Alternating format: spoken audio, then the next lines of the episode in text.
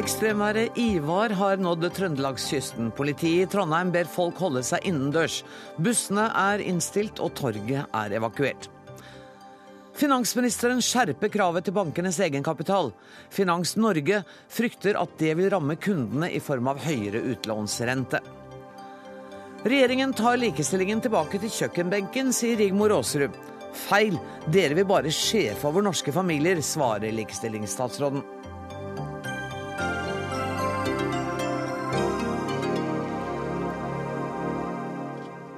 Dette er Dagsnytt 18 denne torsdagen, som ikke er en hvilken som helst desemberdag, men 150-årsdagen for Edvard Munchs fødsel. Det markerer vi naturligvis også i Dagsnytt 18. Men først. Ivar herjer kysten. Ekstremværet har nå nådd Midt-Norge og blåser med orkan i kastene. Allerede i formiddag ble de berørte kommunene bedt om å skjerpe beredskapen, og foreldre hentet barna tidlig fra skole og barnehager. Og reporter Gjøte Toftaker i Trondheim sentrum, hva kan du fortelle om situasjonen der du er nå? Nei, Jeg står midt på torvet i Trondheim. Her har man gjort klart til julemarkedet som skal åpne i morgen. Eh, en gedigen lavvo, skikkelig solide saker. flere flere sammen har eh, kollapsa. Et busskur 200 meter nedi her har truffet publikum, men ifølge politiet skal det ikke være behov for noe ambulanse. Det har vært to skikkelig heftige timer etter uværet traff her for to timer siden. Nødetaten har jo henstilt til folk om å holde seg innendørs så sant de kan. Har trønderne fulgt den oppfordringen? Ja, i veldig stor grad. Så det er helt folketomt på, midt på sentrum på torvet der jeg er nå. Det er, noen, det er, jo en stor by med masse mennesker som bor her og som skal til og fra jobb og, og slike ting. Eh, men man blir da oppfordra til å gå helt eh, kliss inntil eh, husveggene. Eh, Stiftsgården er rett nede her, der kongen eh, bor, skal det være løsna en del takstein fra taket som også har flydd rundt i sentrum her. Eh, men folk har også blitt bedt om å rydde i hager og verandaer, fjerne tunge ting. Er det sånn at beredskapen er såpass bra at man kan unngå de store skadene denne gangen, tror du? Ja, Så langt som vi vet på de to timene her, så har det jo gått eh, veldig bra. Eh, det virker som folk har vært kjempeflinke til å, å sikre løse gjenstander. Her er jo historien om et godt varsla uvær foreløpig. Politiet, nødetater har spredd seg over hele fylket. og og eh, har gjort seg klar til det som skal komme. Vi har ikke fått rapport om noen skader, men været har vært skikkelig heftig. Men vet du noe om transportmidlene? Jeg meldte i eh, innledningen her at bussene er eh, stanset. Jeg går ut fra at det også gjelder flytrafikken til Værnes akkurat nå. Men er det andre ting som også har stoppa opp? Ja, jeg har akkurat hørt på, på, på trafikken at der eh, det er flere fly som måtte snu som skulle til Værnes når det gjelder den saken. Alle bybussene i Trondheim er stoppa på politiets eh, henvisning. Eh, en god del av bussene også, sånn som jeg forstår det, i Sør-Trøndelag er også stoppa. Tusen takk for denne rapporten. Kom deg trygt i hus, reporter Gjøte Toftaker. Rasmus Benestad, du er klimaforsker ved Meteorologisk institutt. Hva er et ekstremvær? Hvordan definerer dere det? Det, det varierer litt da, etter, hvem, etter, etter hvem du snakker med. Da. Men uh, meteorologer snakker ofte om ekstremvær når det dreier seg om vind. Da. Vindstormer, sterk vind og, eh, eller nedbør. Ekstreme nedbørsmengder. Så, men det er, det, det er uvanlig eh, sterk vind, eh, og så er det eller uvanlig mye nedbør først og fremst. som er Eller en kombinasjon? eller? Det kan være en kombinasjon av det. Og det kan også være ekstremvær kan også være en hetebølge også, egentlig. Mm. Men det er ikke så mye hos oss, da, men mer i sør. Mm. Og Jeg fikk akkurat vite nå at alle flyavganger til og fra Værnes er nå innstilt uh, foreløpig. Men denne ekstremsituasjonen uh, sier jo meteorologene eh, kommer til å vare bare noen få timer. Er det typisk for denne typen ekstremvær? Ja, sånne vindene så kan det være Det kommer litt an på farten på de stormene, for de beveger seg med en viss fart. og Den, den går ganske fort, og den dør ganske fort ut. Da, for den, Når den kommer over land, så mister den mye eh, energi, og så er det mye friksjoner med bakken. Så den, den, på en måte får blåst fra seg på land når den kommer på land nå, da. Mm. Og så svekkes den. Og da svekkes den fort? Ja, ja, ganske fort. Jeg så på, på varselet, det er snakk om noen timer, egentlig. Ja. Og det er veldig fint, for hvis de, hvis de, holder seg lenge, så kan de skape mye mer skade enn hvis de er bare kortvarige. Men vi er vel inne i en periode hvor vi kan vente flere typer stormer utover? Eh, altså, først og fremst er vinteren og høsten som vi får mye stormer. Men vi ser også at det varierer veldig mye fra år til år, og det er veldig vanskelig å forutsi hvilke år som har mange stormer og hvilke som ikke har så mange stormer. Uh, og Det har vært litt debatt da med om, om det har vært en oppadgående trend ja. eller ikke med antall stormer. Uh, um, Hva vil du si? Uh, vi, ser, vi, vi, har ikke egentlig gode nok data langt tilbake. Det som er Problemet er at hvis det blåser fryktelig, så blåser ofte instrumentet i filler eller bort noen ganger. Sammen med nedbør. Hvis det er veldig ekstreme nedbør, så, så, så skylles instrumentet bort, og da har vi ikke målingene. Og så skjer disse, De skjer ikke så veldig ofte, og de skjer eh, ganske sjeldent også veldig uregelmessig. Så det er vanskelig å si at det, at det er en, en, en økning over, over, tid. For det kan jo være at det er tilfeldigheter. Og så ser vi at disse her stormene de kommer flere samtidig, i klynger nærmest, som en perle på en snor. da. Mm.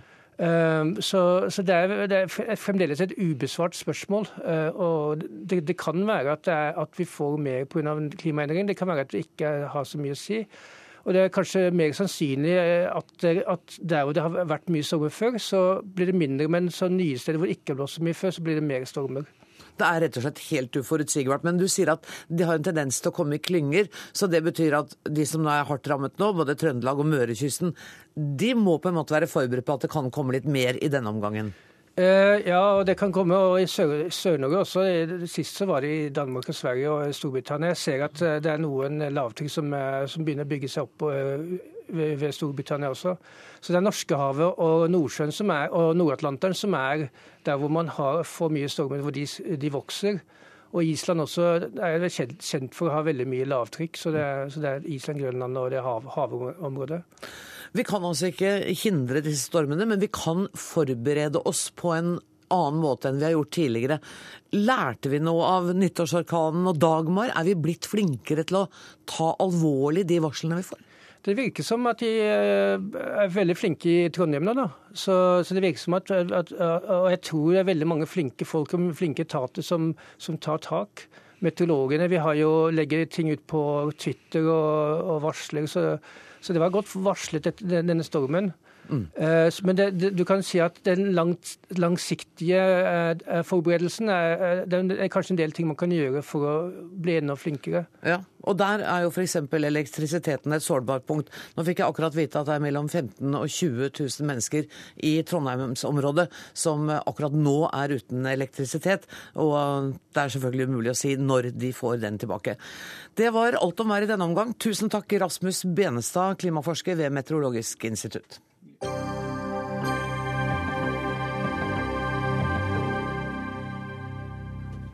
Norske banker har i ettermiddag fått pålegg om å legge seg opp mer egenkapital. Den beskjeden kom fra finansminister Siv Jensen, som for første gang innførte en motsyklisk kapitalbuffer på 1 det vil si at norske banker nå må spare opp en ekstra kapitalreserve på toppen av de ordinære kapitalkravene. Norske banker må altså ha mer penger på bok, og vi skal snart høre hvordan det vil påvirke din økonomi. Men før det, Jon Gunnar Pedersen, statssekretær i Finansdepartementet.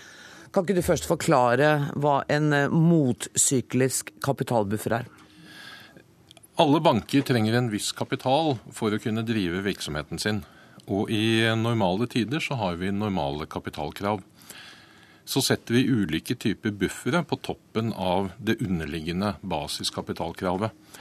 Og i gitte tider, når vi har hatt f.eks. veldig stor gjeldsvekst, eller vi har, en, vi har hatt høye boligpriser en lang stund, da er det aktuelt å legge på det vi kaller en motsyklisk buffer, som gir bankene en ekstra soliditet til å tåle eventuelle nedturer i tiden fremover. Men det er en ny ordning?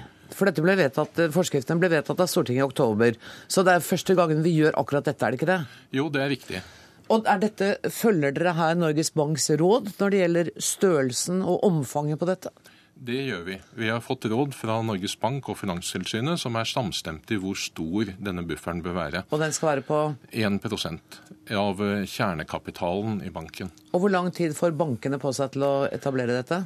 Eh, Norges Bank og Finanstilsynet eh, la til grunn at det skulle innføres fra 1.1.2015. Mm. Vi gir et halvt år ekstra for å gi bankene noe bedre tid til å tjene inn de pengene som de trenger for å legge på denne bufferen. Og etter din mening, hvor skal de tjene inn de pengene? Det tjener de gjennom den måten bankene driver sin virksomhet. Det tjener de gjennom å være kostnadseffektive. Og hvis de ikke greier å tjene gode penger, og hvis de ikke greier å være kostnadseffektive, så kan de også hente kapital i finansmarkedet.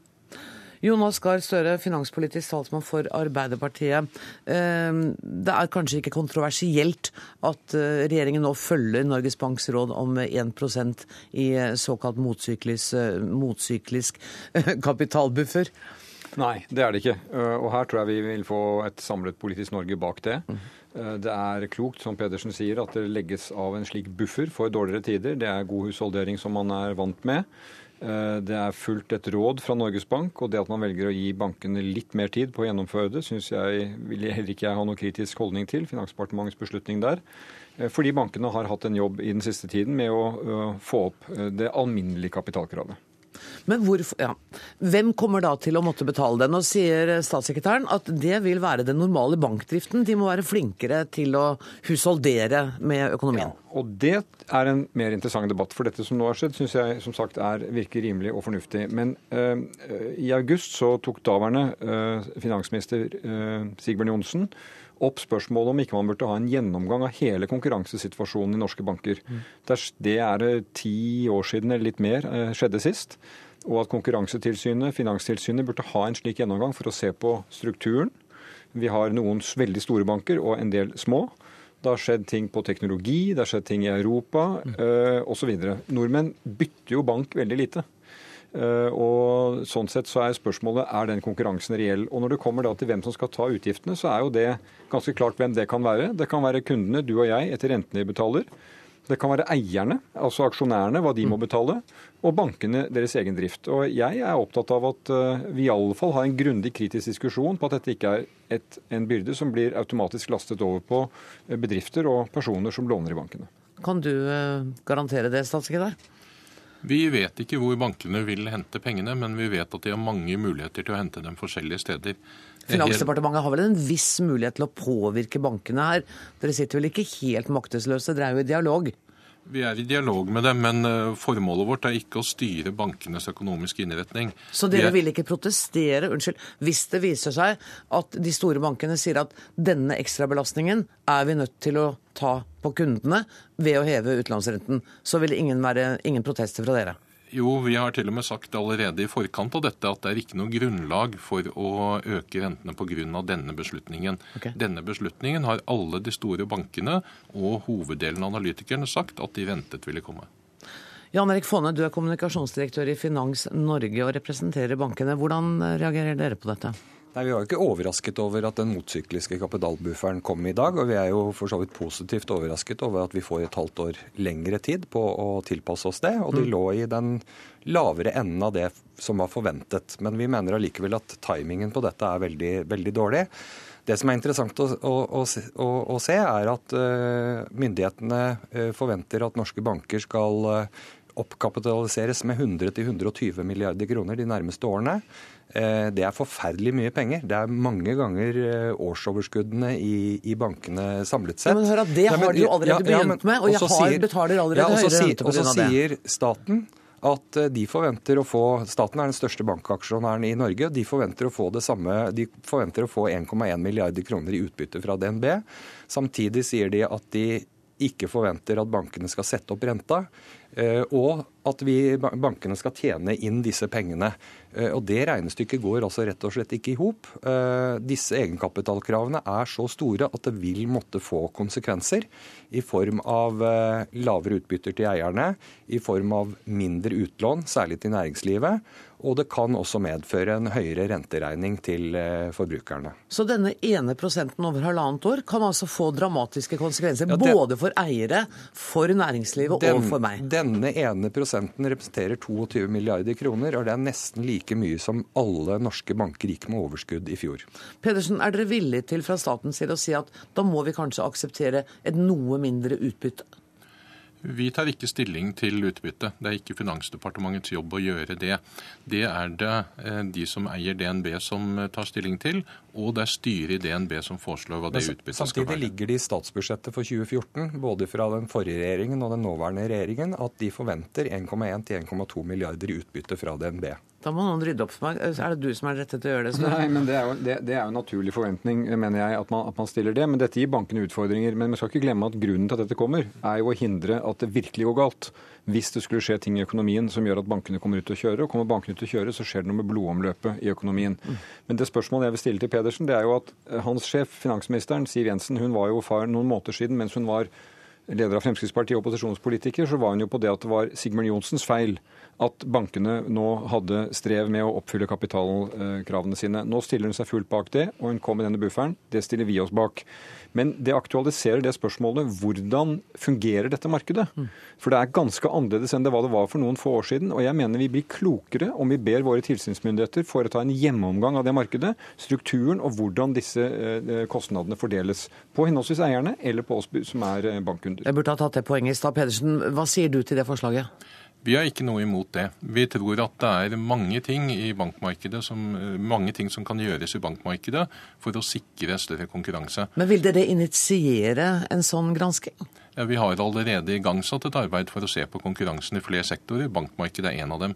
Bankmarkedet er ikke bare et bankmarked. for Det er ikke bare banker som er aktive i lånemarkedet, og det er ikke bare utlån bankene holder på med. Så det er en bred gjennomgang av konkurransepolitikken. Vi skal snakke litt om eh, familieøkonomi. Eh, Reid Krohn Pettersen, du er sjeføkonom i Norsk familieøkonomi. Norske banker vil bruke dette til å øke marginene sine, sa du til oss før sending. Har du noe belegg for å påstå det, eller er du bare bekymra? Eh, Bekymra. Eh, det holder lenge, det. Eh, vi så jo hva de gjorde sist. De satte jo opp renten med 0,3 eh, i snitt nå i vår. Og det er klart at eh, jeg hører at Fåne og Finans-Norge eh, hiver litt opp eh, noen skremselsfugler her. Det viktigste vi påpeker, er at eierne nå må få lov til å være med og betale denne finansieringen. Man sier at Eierne har vært med på en fantastisk reise. For det første har de fått utbetalt masse utbytte, både i fjor og i år, selv om banken har bygd opp egenkapital. Og så har de vært med på en reise hvor aksjegevinsten på børskursen har vært 50% Vi så at DNB styrka seg i dag, når de nå fikk eh, beskjed om at de kunne få lov til å eh, gå på kundene ut, altså ytterligere. Dessuten så ser vi jo at rentemarginen, altså forskjellen mellom det bankene betaler i kostnad når de skal låne inn, og det de får ut av boliglånskundene på inntektssiden, så har den bare økt. Den har økt fra 0,7 i 2011 fram til 2% nå.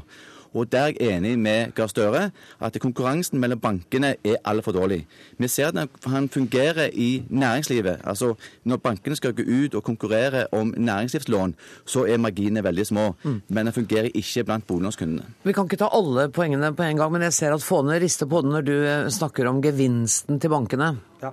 Det stemmer det at, eh, at eh, gevinsten til bankene har gått noe opp de siste to årene. Det er nettopp pga. egenkapitalkravene, men de er historisk sett lave i forhold til hva de har vært tidligere. og Det skyldes at norske banker er effektivisert, de har nedbemannet, eh, og den produktivitetsgevinsten er blitt tatt ut i form av lavere renter til, til forbrukerne. Eh, og så til eh, Gahr Støre. Det er riktig, vi skal ha solide norske banker. Det er kjempeviktig for Norge som nasjon og for næringslivet. Utgangspunktet er at norske banker er allerede solide. Kravene som kommer nå, er pga. finanskrisen i Europa. Og det er altså ingen grunn til, Vi skal tilpasse oss de kravene, men det er altså ingen grunn til at norske banker skal innføre disse kravene tidligere og strengere enn alle andre land. Større. Ja, nå øh, kan jo Pedersen forklare hvordan det resonnerte Finansdepartementet, men jeg syns jo ikke dette er tidligere og strengere. Dette er internasjonale krav som alle land må innføre, og nå har man jo gitt dem noe lengre tid til å innføre det. og Det jeg leser av kommentaren i ettermiddag, er at man hadde ventet at dette kunne være Dette er den absolutt lave delen av hva det kunne vært.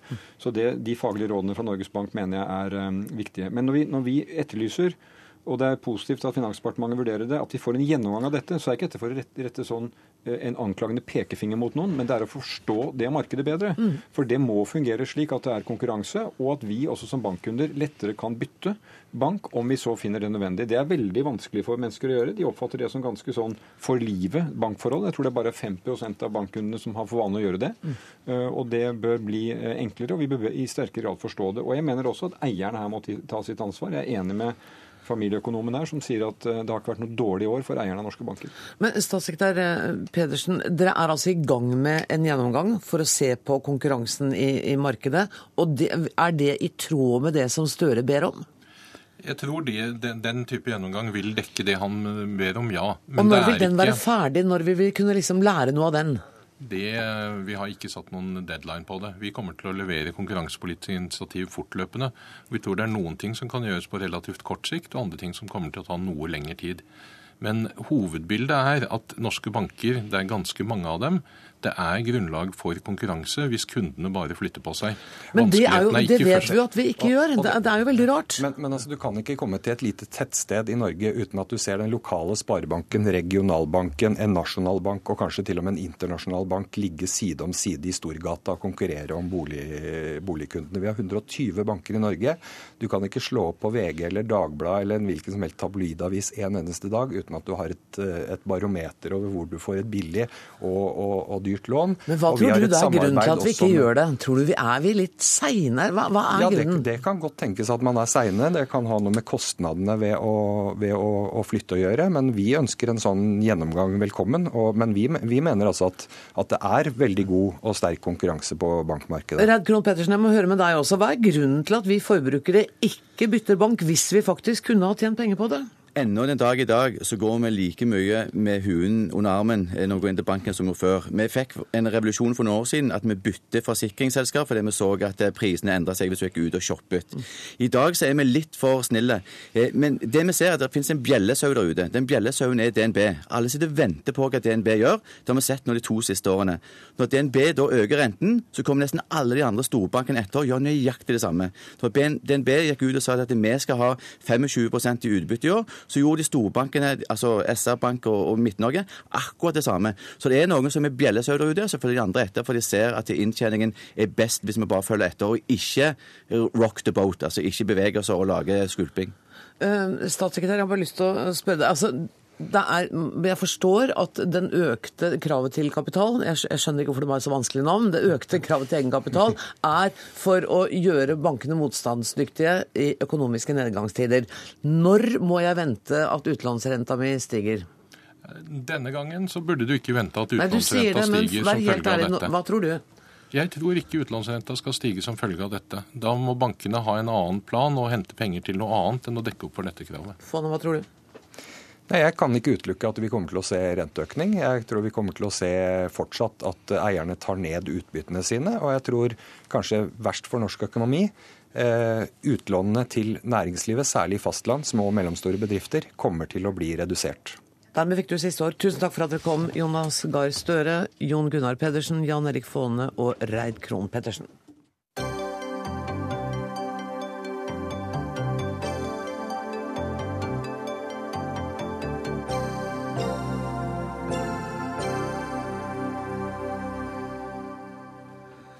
Regjeringens fem familiepolitiske tiltak vil gi norske familier en fleksibel hverdag, mener regjeringen selv. Annet skal det kuttes i fedrekvoten, mens kontantstøtten og støtten til førstegangsfødende økes. Og vi skal straks høre at Arbeiderpartiet ikke er helt fornøyd med dette, men først barne-, og likestillings- og inkluderingsminister Solveig Horne. Hva er det viktigste i disse fem grepene som du tar for å få til det du kaller en fleksibel familiehverdag? Det er først og fremst eh, den eh, økningen vi har gjort på den fellesdelen på fedrekvoten, eh, og økningen på kontantstøtten. Det er grep som vi mener at det blir en større fleksibilitet og valgfrihet til den enkle familien, sånn at den familien kan selv velge om de vil være lengre tid hjemme med, små barn i en liten periode som er viktig for både barna og familien. Og Du har i et intervju sagt at hverdagsfeminisme betyr også at kvinnen skal ha rett til å være hjemme så mye hun vil. Ja, altså Det må være opp til den enkelte familie. Men debatten de siste ukene har vært at vi, vi, har snakket om at vi reduserer eller vi raserer hele likestillingspolitikken bare fordi at vi, vi hever kontantstøtten med 1000 kroner, og at vi reduserer de der pappakvoten. Men det vi beholder jo samme andel uker likevel. Og likestillingen i Norge den er mer enn bare fire uker pappakvote. Likestilling er òg å gi fleksibilitet, og likestilling er å bry seg om, om ting som den enkelte er opptatt av i hverdagen. Rigmor Aasrud, likestillingspolitisk talsperson i Arbeiderpartiet. Du har kanskje hissa deg opp over ingenting? Nei, det har vi ikke. For det er veldig mange forskjellige ting som nå settes i verk av den nye regjeringa, som tar likestillingen i gæren retning. Fra eh, regjeringserklæringa, der man sier at man ikke skal ha kvotering, angrepet på uh, reservasjonsretten i forbindelse med abortsaken. Ja, den kan vi ikke ta nå. nå nei, nei, men det er bare ett av de samme tinga. Og når Horne sier at det blir mer valgfrihet med det de gjør, så er jo det i hvert fall en sak å diskutere. For for det første så trenger norske barn at fedre er mer hjemme. Det er bra for barna, det er bra for fedrene. Og det er bra for arbeidslivet. Derfor så har jo bl.a. NHO vært veldig for at vi skal beholde den fedrekvoten. Det gjør at det er lettere for kvinner å, å komme tilbake igjen, eh, få den lønna de fortjener, få opprykk, karriere. Men det som kanskje bidrar minst til valgfrihet, er jo at man øker kontantstøtta og samtidig kutter på antall barnehageplasser. For man finansierer jo økt kontantstøtte med først å kutte de 2900 barnehageplassene vi la inn, og så kutter man 4100 nye plasser, sånn at det er 7000 færre barnehageplasser. Og nå eh, I går så sto det et oppslag fra Tønsberg Bra Høyre-styrte Tønsberg.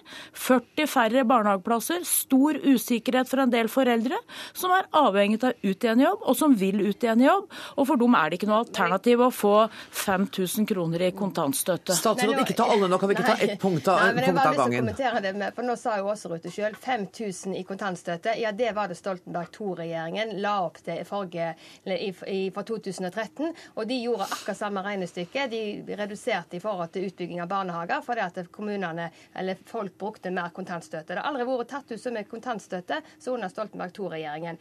Det som denne regjeringen med de borgerlige partiene har, er, det, altså det er et verdivalg vi har gjort med å heve kontantstøtten, det å heve engangsstønaden, og ikke minst med det at du gir en økt del av foreldrepermisjon, sånn at familiene sjøl kan få lov til å velge.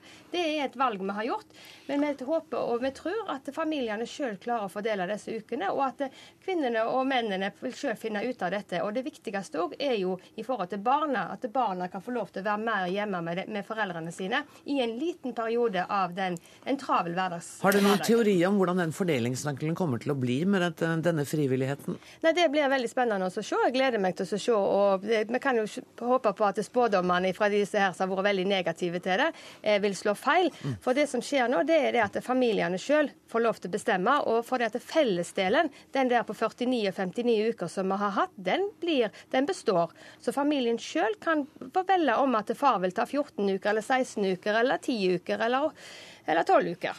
En av de viktigste grepene vi har gjort i norsk likestillingspolitikk, er jo at vi har brukt lovverket for å motivere, påvirke, for å få til mer likestilling mellom kvinner og menn. Det er jo ikke riktig som Horne sier at det blir mer tid for barna sammen med foreldra, sjøl om du kutter ut uh, fedrekvoten. Og det som uh, Horne skriver i sitt eget budsjett, er jo at man regner med at flere kvinner tar større andel av kvoten nå som man kutter i fedrekvoten. Iallfall så salderer man budsjettet med det. Og, og 35 millioner skal spares inn til neste år, og da er det veldig få som kommer til å bli berørt av de endringene som nå foreslås. Og man sier i budsjettet at det er en innsparing på mellom 130 og 150 millioner kroner.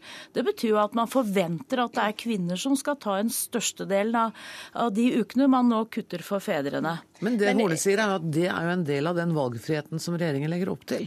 Ja, og vi mener det er å gå i feil retning. For vi mener, sånn som NHO bl.a., at det er viktig at fedrene har en kvote man skal ta ut. Det gjør at det er eh, mindre grunn til å tro at man diskriminerer kvinner i arbeidslivet. Man blir Arbeidsgivere ble vant til at fedrene tar fedrekvoten, og det er bra for fedrene å være sammen med barna sine. Men det er jo vi helt enige i at det er godt at fedrene er sammen med foreldrene, med barna sine. og de har, Det er jo derfor vi har beholdt den der ti ukene, så de kan ta ut. De har den å slå i bordet til arbeidsgiver hvis at det er nødvendig. Men det som er viktig å få fram er at likestillingen i Norge den står altså ikke og faller på de fire ukene til fedrekvoten. Likestilling foregår på alle departement, det går på veldig mange felter. Men for denne regjeringen så er det, er det et verdivalg òg i forhold til å gi familiene en mer større fleksibilitet enn det som de har i dag. Og så er det ingen som snakker om barna. Du sier at det er, det er ikke barna som blir taperne. Jo, med Stoltenberg II så er det barna som blir taper. For når ikke mor kan overta far sine uker, eller vice versa, så må du finne annen barnepass til disse ungene. Og det viktigste er jo at barna i en de, altså, det er jo små barn vi snakker om her. At det der familien ønsker å ikke benytte seg av barnehager, men kan da være lenger hjemme med barna sine, det er det som er viktig og verdivalg for man denne blir ikke lenger hjemme med barna sine om man kutter i de fire ukene i pappaperm, for at permisjonstida endres jo ikke, så det blir akkurat like mange uker. Og det som er utrygt for mange foreldre nå, det var jo de som nå, nå har tenkt seg ut i en jobb, som så at det ville være muligheten til å få barnehage, en barnehageplass for barnet sitt. De barnehageplassene blir jo ikke etablert. Kommunene får kutt i budsjettene sine, og det skaper jo usikkerhet for veldig mange foreldre som skal ha en barnehageplass, og mange foreldre ønsker nettopp det. Kan vi bare vente litt med barnehageplassen? For, eh, statsråd, du sa noe som jeg stusset ved. Du sa at det, de, dere beholder de ti ukene for fedrene, sånn at pappa har noe å slå i bordet med til sjefen hvis det skulle være nødvendig. Så er den lovfestet.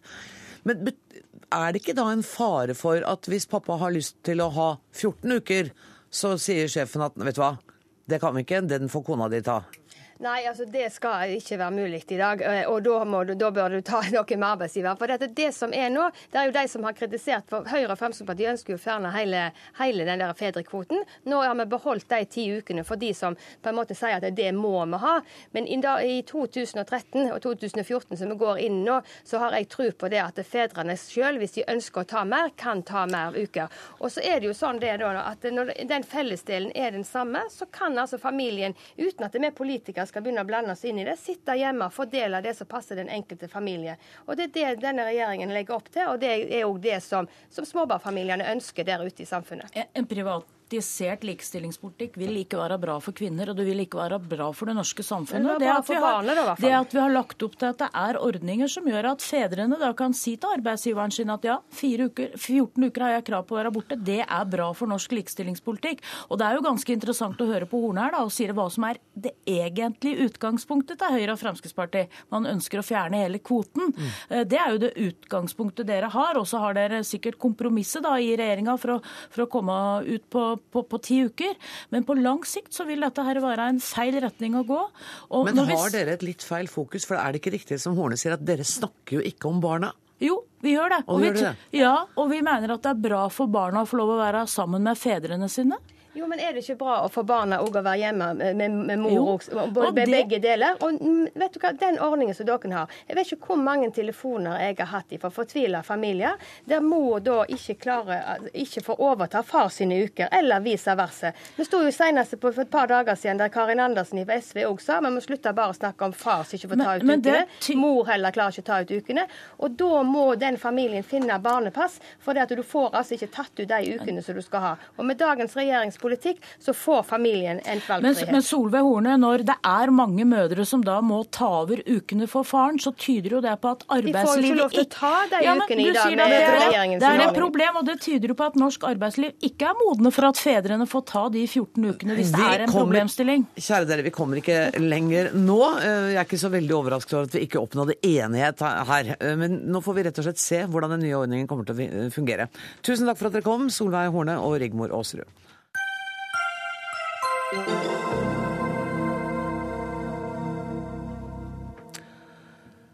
Kunnskapsministeren eh, Torbjørn Røe Isaksen står fast på at ordningen for frukt og grønt i, skolen bør kuttes. Men så vidt vi har lest i avisene, blir det ikke noe fruktkutt i kunnskapsministerens eget departement. Billig poeng, enig i det, så du bør ikke kommentere på det med en gang, Torbjørn Røe Isaksen. Men du, kan du ikke bare gjenta for meg? Hvorfor var det så viktig? For at sånn som jeg har skjønt det nå, så tenker dere dere en abonnementsordning lagt under Helse- og omsorgsdepartementet. Ja, Vi går tilbake til den ordningen, og det har ingenting med at vi er mot frukt. Altså, Jeg er veldig for frukt, eh, men det handler om å prioritere det viktigste i skolen. Eh, Og Da vi kom inn i regjering, så så vi at eh, gjennom åtte år så var det gjort veldig mye, veldig mye fint i norsk skole, men man hadde ikke investert i det vi vet, basert på forskning, er det aller viktigste, nemlig enda bedre lærere. Så man hadde da f.eks. når det gjaldt etter- og videreutdanning for lærere, så sto bevilgningen bom stille fra 2013 til 2014. Det ønsker vi å prioritere, for det er det som gir mest læring og kunnskap i skolen. Og det er litt penger det er snakk om her, Ja, det er, Det er er 100 millioner. Nei, det er mer. Det er Er det mer? 220 millioner på, Ja, på, siste på frukt og grønt. Ja, okay. okay. Så, så vi, vi gjorde det som vi har sagt hele veien, helt siden denne ordninga kom, at vi, vi kutta da ut ordningen med frukt og grønt i skolen. Og så brukte vi de pengene på å uh, lage enda bedre ordninger for kvalitet, for etterutdanning, for å, å gi lærerne høyere kompetanse, for å få opp kunnskapsnivået i skolen. Og så har jeg bare lyst til å si én ting til denne frukten uh, på, I, i departementene. Ja. For det, vi, vi, det er jo Alltid gøy å liksom kunne pirke litt i det. Jeg skjønner det, og det er helt rimelig at folk spør om ja, det, det også. Og vi skal jo kutte nå. Vi har jo påført må jeg nesten si, det sentrale byråkratiet 70 millioner kroner i kutt. Mitt departement vi øker budsjettene ute, altså universiteter og forskning og skoler. Der øker vi budsjettene, men mitt departement skal kutte 4 millioner kroner. Så det er ikke sånn at vi sparer oss selv for kutt. Det betyr at vi må gå gjennom alle kostnader, sånn som man burde gjøre i en organisasjon. Også får vi, se, får vi se på da om vi har en sånn møtefruktkurv stående i lokalet vårt, så får vi se om de 1000 kronene vi bruker på det i måneden, om de skal kuttes. Men statsråd, eh, jeg går ut fra at dere også har satt dere inn i eh, undersøkelser og rapporter fra andre land. Og jeg leste i hvert fall en fra Danmark som sa at eh, bare det å øke inntaket av frukt for skoleelever med 50 gram om dagen gir altså en dokumentert forlenget levetid og en forlenget yrkesaktivitet. Og frukt er, og det er helt udiskutabelt, okay. frukt er veldig sunt. Grønnsaker er veldig sunt. Det er viktig at barna har en god matpakke. Men vi vet også, hvis man ser på en av de ledende skoleforskerne i verden, en som heter John Hattie, som har foretatt det som heter metastudier, altså samlet inn hva masse forskjellige undersøkelser viser om skolen, mm. og så forsøkt å finne ut hva er de mest effektive tingene for å få mer kunnskap og læring i skolen. Han har laget en liste over det, og de ti første tiltakene det er stort stort sett tiltak som dreier seg om læreren, lærerrollen. Det er det absolutt viktigste. Ernæring, altså frukt og grønt, kommer på 123.-plass. Så jeg syns det er et paradoks at vi da har lovfestet det tiltaket som er på 123.-plass, mens de rød-grønne partiene ikke har vært for f.eks. å lovfeste en rett til etter- og videreutdanning for lærerne. Statsråd, Vi skal ikke diskutere eh, etter- og videreutdanning, vi skal holde oss til frukt og grønt. Og Jette Kristiansen, Arbeiderpartiet, du har vært veldig tålmodig nå. Takk. Hvor, hvorfor er eh, For statsråden har jo et poeng her.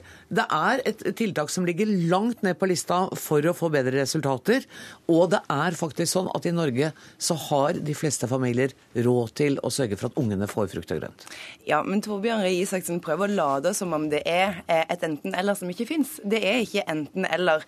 Enten frukt eller etterutdanning av lærere. Vi la fram et eh, budsjettforslag der vi hadde både etterutdanning av lærere, der vi var med på eh, Lærerløftet, som eh, Stortinget stemmer for i dag, og kulturskole og frukt. Det er ikke enten-eller. Det er ikke frukt eller flere og bare etterutdannede lærere. Det er frukt eller skattekutt. Det er jo det som er realiteten. Så jeg syns at det er ganske kreativt av eh, Torbjørn Røe Isaksen å trekke opp dette skillet her. Og så kan, kan, du ikke komme unna eh, at, er, eh, at det er en underlig prioritering. Hvis du for det er jo ikke sånn at vi har et helt fruktløst statsbudsjett.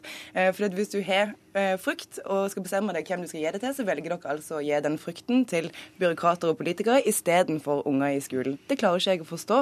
Eh, og det er det som gjør at dere har et forklaringsproblem. For det at, det, at du sier at dere er pålagt byråkrati og departementene å kutte, det er kanskje derfor at ditt eget departement bare har frukt til politisk ledelse, og ikke til byråkratene som jobber der. Men den prioriteringen eh, som regjeringen legger opp til, viser en del av et større bilde. Eh, fordi at det, eh, det, viser en del av et større bilde. Fordi at de legger opp til et budsjett som øker forskjellen mellom folk, forskjellen eh, mellom eh, muligheten til å lykkes, i tillegg til å ta vekk de eh, tiltakene som bøder på og gir folk bedre mulighet til å lykkes. og Det er et problem. Men for, for det første så bruker vi mer i Kunnskapsdepartementet enn det forslaget til den rød-grønne regjeringen skulle tilsi. Så, så har jeg lyst til å si litt om hva er det vi bruker disse pengene på som ikke ikke lå inne eh, i de rød-grønnes budsjett. Altså Hvis de hadde vunnet valget, så måtte vi kuttet 80 millioner i økt lærlingtilskudd, som vi nå har lagt inn. Hvis de rød-grønne hadde vunnet valget, fått gjennomført sitt budsjett, så måtte vi kuttet eh, økt studiefinansiering i 2014. Det lå ikke inne. Hvis de rød-grønne hadde vunnet valget, fått gjennomført sitt prosjekt, så måtte, budsjett, så måtte vi kuttet 300 millioner kroner til etter- og videreutdanning av lærere.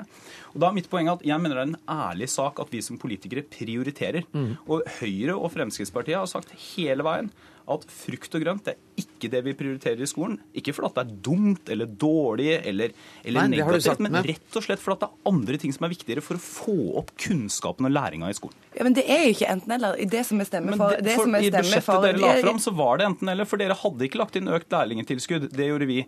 Dere hadde Men hvis ikke du lagt ser inn på det etter- og budsjettet, videreutdanning. det budsjettet som Ja, vi skal stemme over i Stortinget, ja, Stortinget i dag, så er det både eh, kulturskoletimer, det er både frukt, og det er etterutdanning av lærere. Så du kommer ikke unna at det er noen i la- landet som skal få frukt i løpet av arbeid, arbeidsdagen, og det er de voksne og ikke ungene. Så det er en Men- underlig prioritering. Men- men- Fordi at dere konsekvent Ja. lager eh, et budsjett som er designet ut ifra hvordan dere skulle ønske at verden er, ikke hvordan den er. Jeg òg skulle ønske at alle hadde med seg matpakke på skolen, men sånn er det ikke. Eh, og Derfor så må vi designe politikken ut ifra det. Og for lærerne eh, og elevene og, og foreldrene etterspør denne ordningen. Læreren sier at, sier at du eh, ikke respekterer de problemene de har i løpet av en skoledag. Og de sier at den frukten den bidrar til at de får eh, undervist det de skal. Nå de, må statsråden den få svare. timen Jeg vil si, vil si, for det første så vet jeg at det er veldig mange delte meninger blant lærerne i Norge om den frukt- og grøntordningen. Eh, Og jeg tror det er nesten like mange lærere, om ikke flere, som mener at dette kanskje ikke var en god bruk av penger. Og det å lovfeste frukt og grønt før man lovfester masse andre viktige ting i skolen, det er ikke noe god prioritering. Og så er det noe sånn at det er, det er bra at Arbeiderpartiet nå har kommet etter. Men, men allikevel så er det like fullt sånn at i budsjettet som Arbeiderpartiet la fram i løpet av de åtte årene som Arbeiderpartiet satt, så var det sånn at konsekvent så var det en nedprioritering av f.eks. lærerkompetanse, mens man valgte å lovfeste frukt- og grøntordning, en kulturskoletime i skolefritidsordningen, den type ting. Gode ting, men det viktigste er det som øker kunnskapen og læringen i skolen. Jeg tror du har fått hamret det poenget inn. Vet du hva, Vi er nødt til å sette strek. Jeg må bare få lov å spørre statsråden om én ting helt til slutt. Er det sant at det bare er politisk ledelse som får eplefat i Nei, det er ikke okay. sant, men det er på møterommene i den delen av departementet vi sitter. Er Men vi er, vi, er, vi er fire i politisk ledelse, så det hadde vært veldig gnien, syns jeg, hvis det bare var oss. Ok, Takk for at dere kom, Jette Christiansen og Torbjørn Røe Isaksen.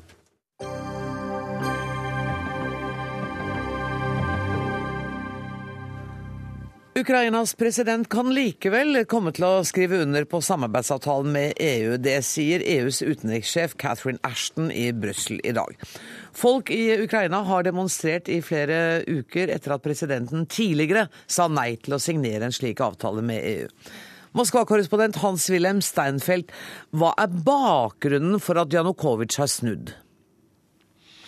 Janukovitsj traff Vladimir Putin sist lørdag i Sotsji. Da diskuterte de gassleveranser til Ukraina for vinteren uten å komme frem til noen enighet. I tillegg så er det åpenbart at de politiske demonstrasjonene på Maidan eller uavhengighetsplassen i Kiev de siste to ukene har satt regimet Der mistet vi kontakten med Hans-Wilhelm Steinfeld, men jeg har heldigvis Tor Bukkvold i studio. Du er forsker ved Forsvarets forskningsinstitutt. Eh, Som jeg sa, så er det altså EUs utenrikssjef Catherine Ashton som har uttalt at presidenten i Ukraina likevel kan komme til å undertegne denne avtalen. Er det nå bekreftet? Nei, det er det ikke. Så jeg tror det er absolutt for dem som ønsker EU-integrering, så er det altfor tidlig å feire. Eh, Hvis det her betyr at han har sagt at han vil underskrive hvis han får det som han vil, altså at han får EU til å gå med på bl.a. en del økonomiske løfter, så, eh, så er ikke det så overraskende. For det har han sagt hele tida. Så langt han får det når han får som han vil, så vil han underskrive. Hvis han har gått med, hvis han har sagt at han vil skrive under på avtalen sånn som den ligger nå, eller at det er en form for kompromiss inne her, så er det for så vidt en nyhet. Hans-Wilhelm Steinfeld, vi har deg med igjen, og og jeg mista deg midt i en setning, og jeg husker ikke engang hva du var i ferd med å si. Men Jeg må det høre etter, da. Det, det som jeg var i ferd med å si, er at uh, veldig mye av drivkraften i demonstrasjonene på Maidanplassen de siste to ukene har vært misnøye med at vi visumfrihet til EU-området Glad for ungdom eh, i samband med at eh, Janukovitsj nektet å tiltre assosieringsavtalen med EU i Vilnius for 14 dager siden. Det som Tor Bukkvold nettopp var inne på, er jo essensielt nå, fordi antagelig har EU stilt større penger i eh, utsikt for Janukovitsj, fordi Catherine Ashton sa i dag i Brussel at den avtalen som Janukovitsj vil tiltre, vil være tilstrekkelig til å løse landets økonomiske problemer. De er formidable. Og Janukovitsj var entydig for 14 dager siden på at det økonomiske tilbudet om hjelp fra EU var for dårlig. Og Ukraina har ikke økonomiske muskler til å foreta spranget mot vest hvis det var bare de midlene som lå i det opprinnelige avtaleutkastet som nå stilles i utsikt. I dag så har president Vladimir Putin holdt sin årlige tale om rikets tilstand. Ble Ukraina nevnt i den talen? Ja, den ble nevnt, men det var en meget forsiktig uttalelse fra Vladimir Putin. Etter at han var høy og mørk i hele høst, så sa han i dag at Russland ikke vil påpresse eh, Ukraina noen løsning. Eh, han sa videre at han regnet med, etter det vi har sett i Kiev de siste 14 dagene, at alle politiske krefter i Ukraina nå går sammen for å finne en politisk løsning på landets problemer til fordel for hele det ukrainske folk. Og så sa han også forsonlig at uansett hva Ukraina nå gjør, vil Russland være parat til ekspertsamtaler videre hvis Ukraina ønsker å samarbeide med Russland i en tollunionssammenheng. Men nettopp det at det her ligger, legges vekk på ekspertnivå, viser jo at også Putin skjønner hva signalene som kom ut fra Brussel i dag, betyr. Og da er det Russland som har tapt i dragkampen mellom Vest-Europa og Russland om dette svære landet på 46 millioner. Tor Bukkvold, eh, en eventuell avtale mellom EU og Ukraina ligger vel fremdeles høyt opp og langt fram? Ja, altså hvis, eh, hvis EU, sånn som Steinfeld nå sier, faktisk har lagt mer penger på bordet og, Var det nytt for deg? Eh, vi, vi, vi, vet, vi, vet, egentlig ikke sikkert, men det er mulig at det er slik. Og, og hvis det skjer, så, så kan jo i prinsippet den avtalen skrives under eh, for så vidt ikke om ikke så lenge. Så det, da trenger det ikke å vare så lenge. Mm. Kan Moskva presisere Jeg antar mm. at Catherine Ashton må ha stilt flere penger i utsikt all den tid hun nå kunne si at denne eh, eventuelle avtalen vil være nok til å løse Ukrainas økonomiske problemer. Ukraina skylder Russland 30 milliarder amerikanske dollar, så det er formidable summer vi snakker om. Så mye kan nok ikke EU legge i bordet. Og la meg nå også legge til at vi har nå foreløpig ikke sett en offisiell bekreftelse fra Kievs side på at det Catherine Ashton sa i ettermiddag i Brussel, var riktig. Bukkvold, eh, konfliktene i eh, Ukraina, demonstrasjonene, har vakt voldsom internasjonal oppmerksomhet. Ikke bare fra politikere, men også filmstjerner. Jeg så George Clooney i går har gitt sin støtte til det som skjer. Og samtidig så virker det jo ikke spesielt oversiktlig politiske bildet der. Nei, det, det, det hadde egentlig aldri vært. Så det det er interessant med den store internasjonale oppmerksomheten. Det er på en måte noe som det kommer fordi at oransjerevolusjonen var for en del år siden. Vi kommer jo den, mange kommer jo den. Og så er den en fortsettelse til det. Så det er mye det det har med å gjøre. Men hvis man skal lete etter noen form for oversikt eller hva det er det her handler om, så tror jeg det er sånn at for Janukovitsj og for regionspartiet, i hvert fall dem rundt Janukovitsj, så handler det i all hovedsak om penger. Mm. For ukrainerne, de som står på Maidan, så handler det om eh, litt om penger, men det handler egentlig mest om en idé om hvilken vei Ukraina skal gå. For de vet at i Russland så fungerer ikke ting noe bedre enn de gjør i Ukraina. I Europa så gjør de det. Så i hvert fall den unge generasjonen, sånn som Steinfeld visste, ser sin framtid i vest. Så der er det på en måte ideer. Og når det gjelder Moskva, så er det for så vidt òg ideer. For, for, Moskva så handler det her om geopolitikk. Mm. De har et alternativt prosjekt som heter Den Euro Eurasiatiske union, som de ønsker å bygge opp i øst, som da er noe som verken er Østen eller Vesten, men noe midt imellom. Mm. Hans-Wilhelm Steinfeld, eh, hvor stor er faren for et anstrengt forhold mellom Russland og Ukraina, hvis det nå skulle gå i en retning av en EU-avtale? Jeg tror at Vladimir Putins tilbakeholdenhet i dag, etter en storkjeftet høst, ligger i det at Vladimir Putin må tenke litt på forholdet til sin største handelspartner, som er nettopp EU. Og Russlands strategiske samarbeidsavtale med EU skal fornyes. Det skjer jo også med vår EØS-avtale fra tid til annen. Så plutselig tror jeg at russerne skjønte at de at de var på kanten av en ny kald krig. Eh, russerne har selv snakket om balkanisering av Ukraina. At det lignet på en statsomveltning. At landet kunne bli splittet i to. Og hvis de har ment et eneste ord alvor med retorikken sin, så er situasjonen oppfattet i Russland som meget alvorlig i Ukraina. Og da var det på tide for russerne nå å være forsiktig all den tid Catherine Ashton etter sitt besøk i Kiev med såpass stor selvsikkerhet sier at Ukraina vil tiltre en slik avtale. Mm. Når det kan skje, ja, det er jo da avhengig av ressursene. Men under toppmøtet i Vilnius, partnerskap for øst, så sa José Manuel Barroso at EU når som helst er parat til å skrive under den avtalen som var. Så får vi se hva den avtalen som kommer, vil innebære. Men den må ha et sterkere insentiv for Ukraina, for det er en meget byråkratisk avtale. og 80 av alle EUs forordninger, regler og lover er bakt inn i den. Så den binder Ukraina langt, langt mer enn den binder øh, Norge gjennom en EØS-avtale, dette avtaleverket som EU tilbyr Ukraina. Dermed setter vi strek. Tusen takk for at dere kom til Dagsnytt 18, Hans Wilhelm Steinfeld, som var med fra Moskva, og Tor Bukkvold.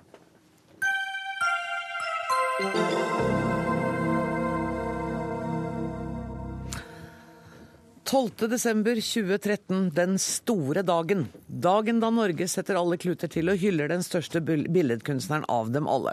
På dagen, 150 år etter at han kom til verden, er Edvard Munchs navn blitt allemannseie, og jubileet markeres så det nesten ljomer mellom fjellene.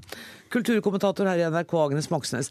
Dette jubileet fikk vel en litt snublende start, hvis vi nå skal være helt ærlige sånn på slutten av året? Ja, det fikk en skikkelig snø. Den snublet seg inn i det, for å si det sånn. Men de kom igjennom og hadde ordna opp i organisasjonen, altså de som hadde fått i oppdrag å lage et Munch-år, Munch-museet og Nasjonalmuseet. Så de var, liksom, hadde organisasjonen på plass like før året ble blåst i gang for akkurat et år siden i dag, da. Og så så det, Mange kritikere mente jo at det liksom kom til å gå rett til bunns. Det kom ikke til å skje noen ting. Hva er det som har gjort at det er klart å løfte seg? Ehm, for det første at de fikk en god leder av eh, Munch 150, ehm, som tok tak og organiserte, og også fikk i gang en samtale ikke bare med, liksom, i Oslo, men også i forhold til Munch, de ulike Munch-kommunene som har vært engasjert her. Men så har vi fått veldig god drahjelp fra utlandet. Det var en franskinitiert eh, utstilling som heter 'Moderne øye', som åpnet i Paris i 2011. Som jo er den mest besøkte utstillingen på Pompidou-senteret noensinne. Utstillingen gikk videre til Frankfurt, så til London. Og du vet at Vi nordmenn elsker jo nettopp det, at utlendingene interesserer seg for det vi har å by på. Og så kom jo det sensasjonelle Munch-salget, altså Skrik-salget i New York våren 2012. Eh, samtidig med at vi har fått et Munch-vedtak. altså hvor skal at Munch, Det har vært veldig lang debatt om det. Nå er det kommet et vedtak om å bygge et nytt Munch-museum. Det trengs. Uh, og så uh, Ja, så jeg vil si at det har vært faktisk blitt et imponerende år. Et av de viktigste kunstnerjubileene vi har hatt nå når det skal summeres opp. Og samarbeidet mellom Nasjonalgalleriet og eh, Nasjonalmuseet og Munchmuseet ja, har jo, har jo resultert i De har jo sittet på hver sin tue mm. og vært litt sånn sett hvem er det som har det beste skriket, hvem har det beste Madonna. Det har de holdt på med. Men nå samarbeider de, og, og, og lederne for de to uh, museene står alltid samlet når de snakker om Munch har gjort det i dette året. Og det er viktige ting.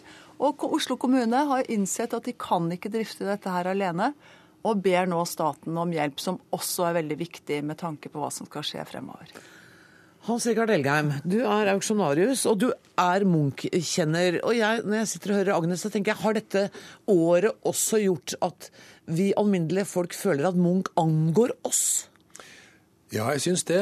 Eh, først gripe fatt i det som blir sagt om utlandet. For det mm. at, at opptakten, altså utstillingen som ble referert til her, og det famøse Skriksalget, den enorme publisiteten dette har medført, det har stimulert interessen hos utlendinger. Nysgjerrigheten på Munch. Og det har også jubileumsutstillingen fått merke.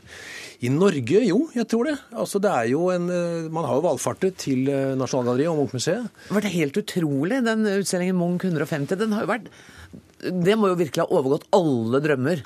Og jeg tror hun kunne fortsatt resten av året, rett og slett. Uh, og det var en stor suksess. Det er, det er, herlig for museene. Men det viser jo også at potensialet er der. Interessen ligger latent. Men Munch må vises, og det må kanskje vises sånn som det blir vist. Da tenker jeg på rett og slett presentasjonen. Mm. Formidlingen, hvordan det blir gjort. Ja, det er liksom ikke nok at det henger noen malerier på en vegg. Vi må også få et, eh, en inspirasjon til å gå og se dem. Ja, og jeg tenker jo at det er liksom Den største lærdommen man kan trekke av dette året her, er jo som Hans Rikard Elgheim sier, at man må faktisk jobbe helt utrolig mye med mm. utstillinger. Hvordan man tenker utstillinger, hvordan man presenterer dem.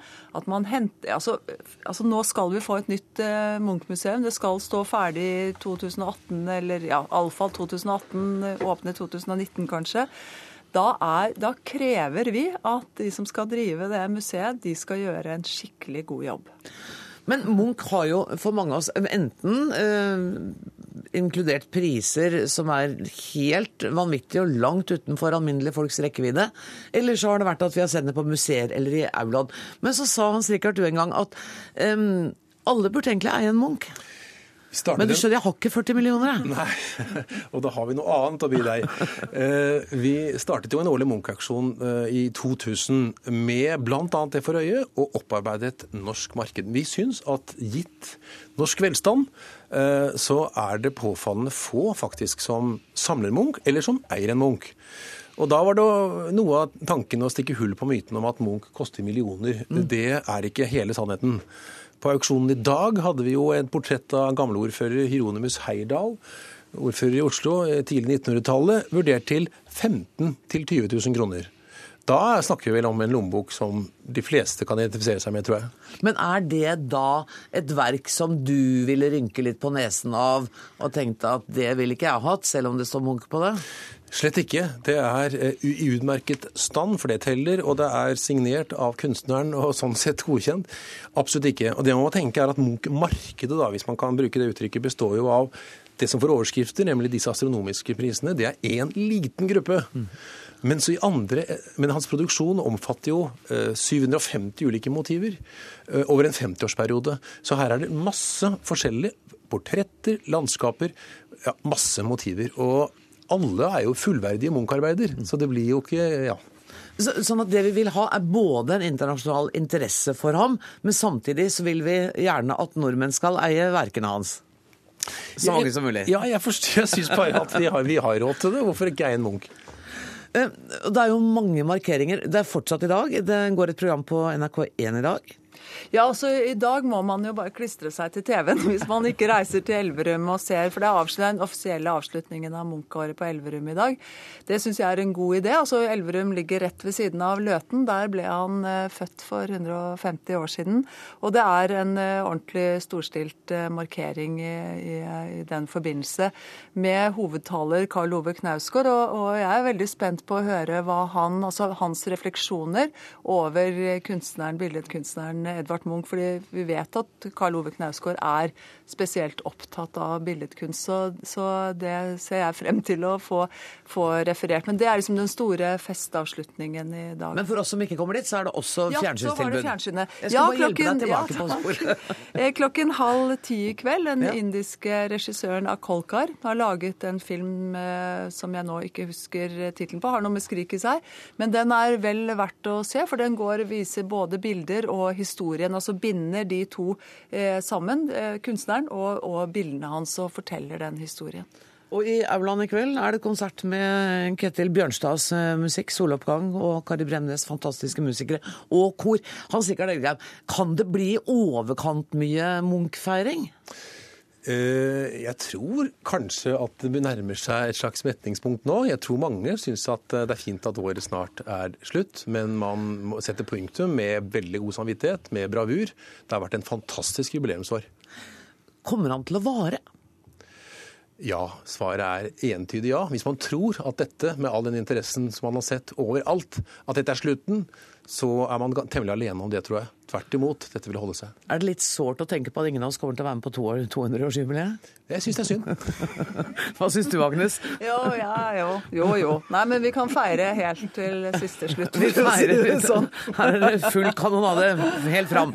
Tusen takk for at dere kom til Dagsnytt 18, Agnes Moxnes og Hans Rikard eh, Elgheim. Det var kanskje litt stygt det der med å antyde at du ikke skulle leve i 50 år til, men altså, hvem vet. Eh, Jeg rekker bare å si at ansvarlig for sendinga i dag var Dag Dørum. Det tekniske ansvaret har Finn Lie. Jeg heter Anne Grosvold, og hvis alt går som det skal, høres vi i morgen. Takk for nå.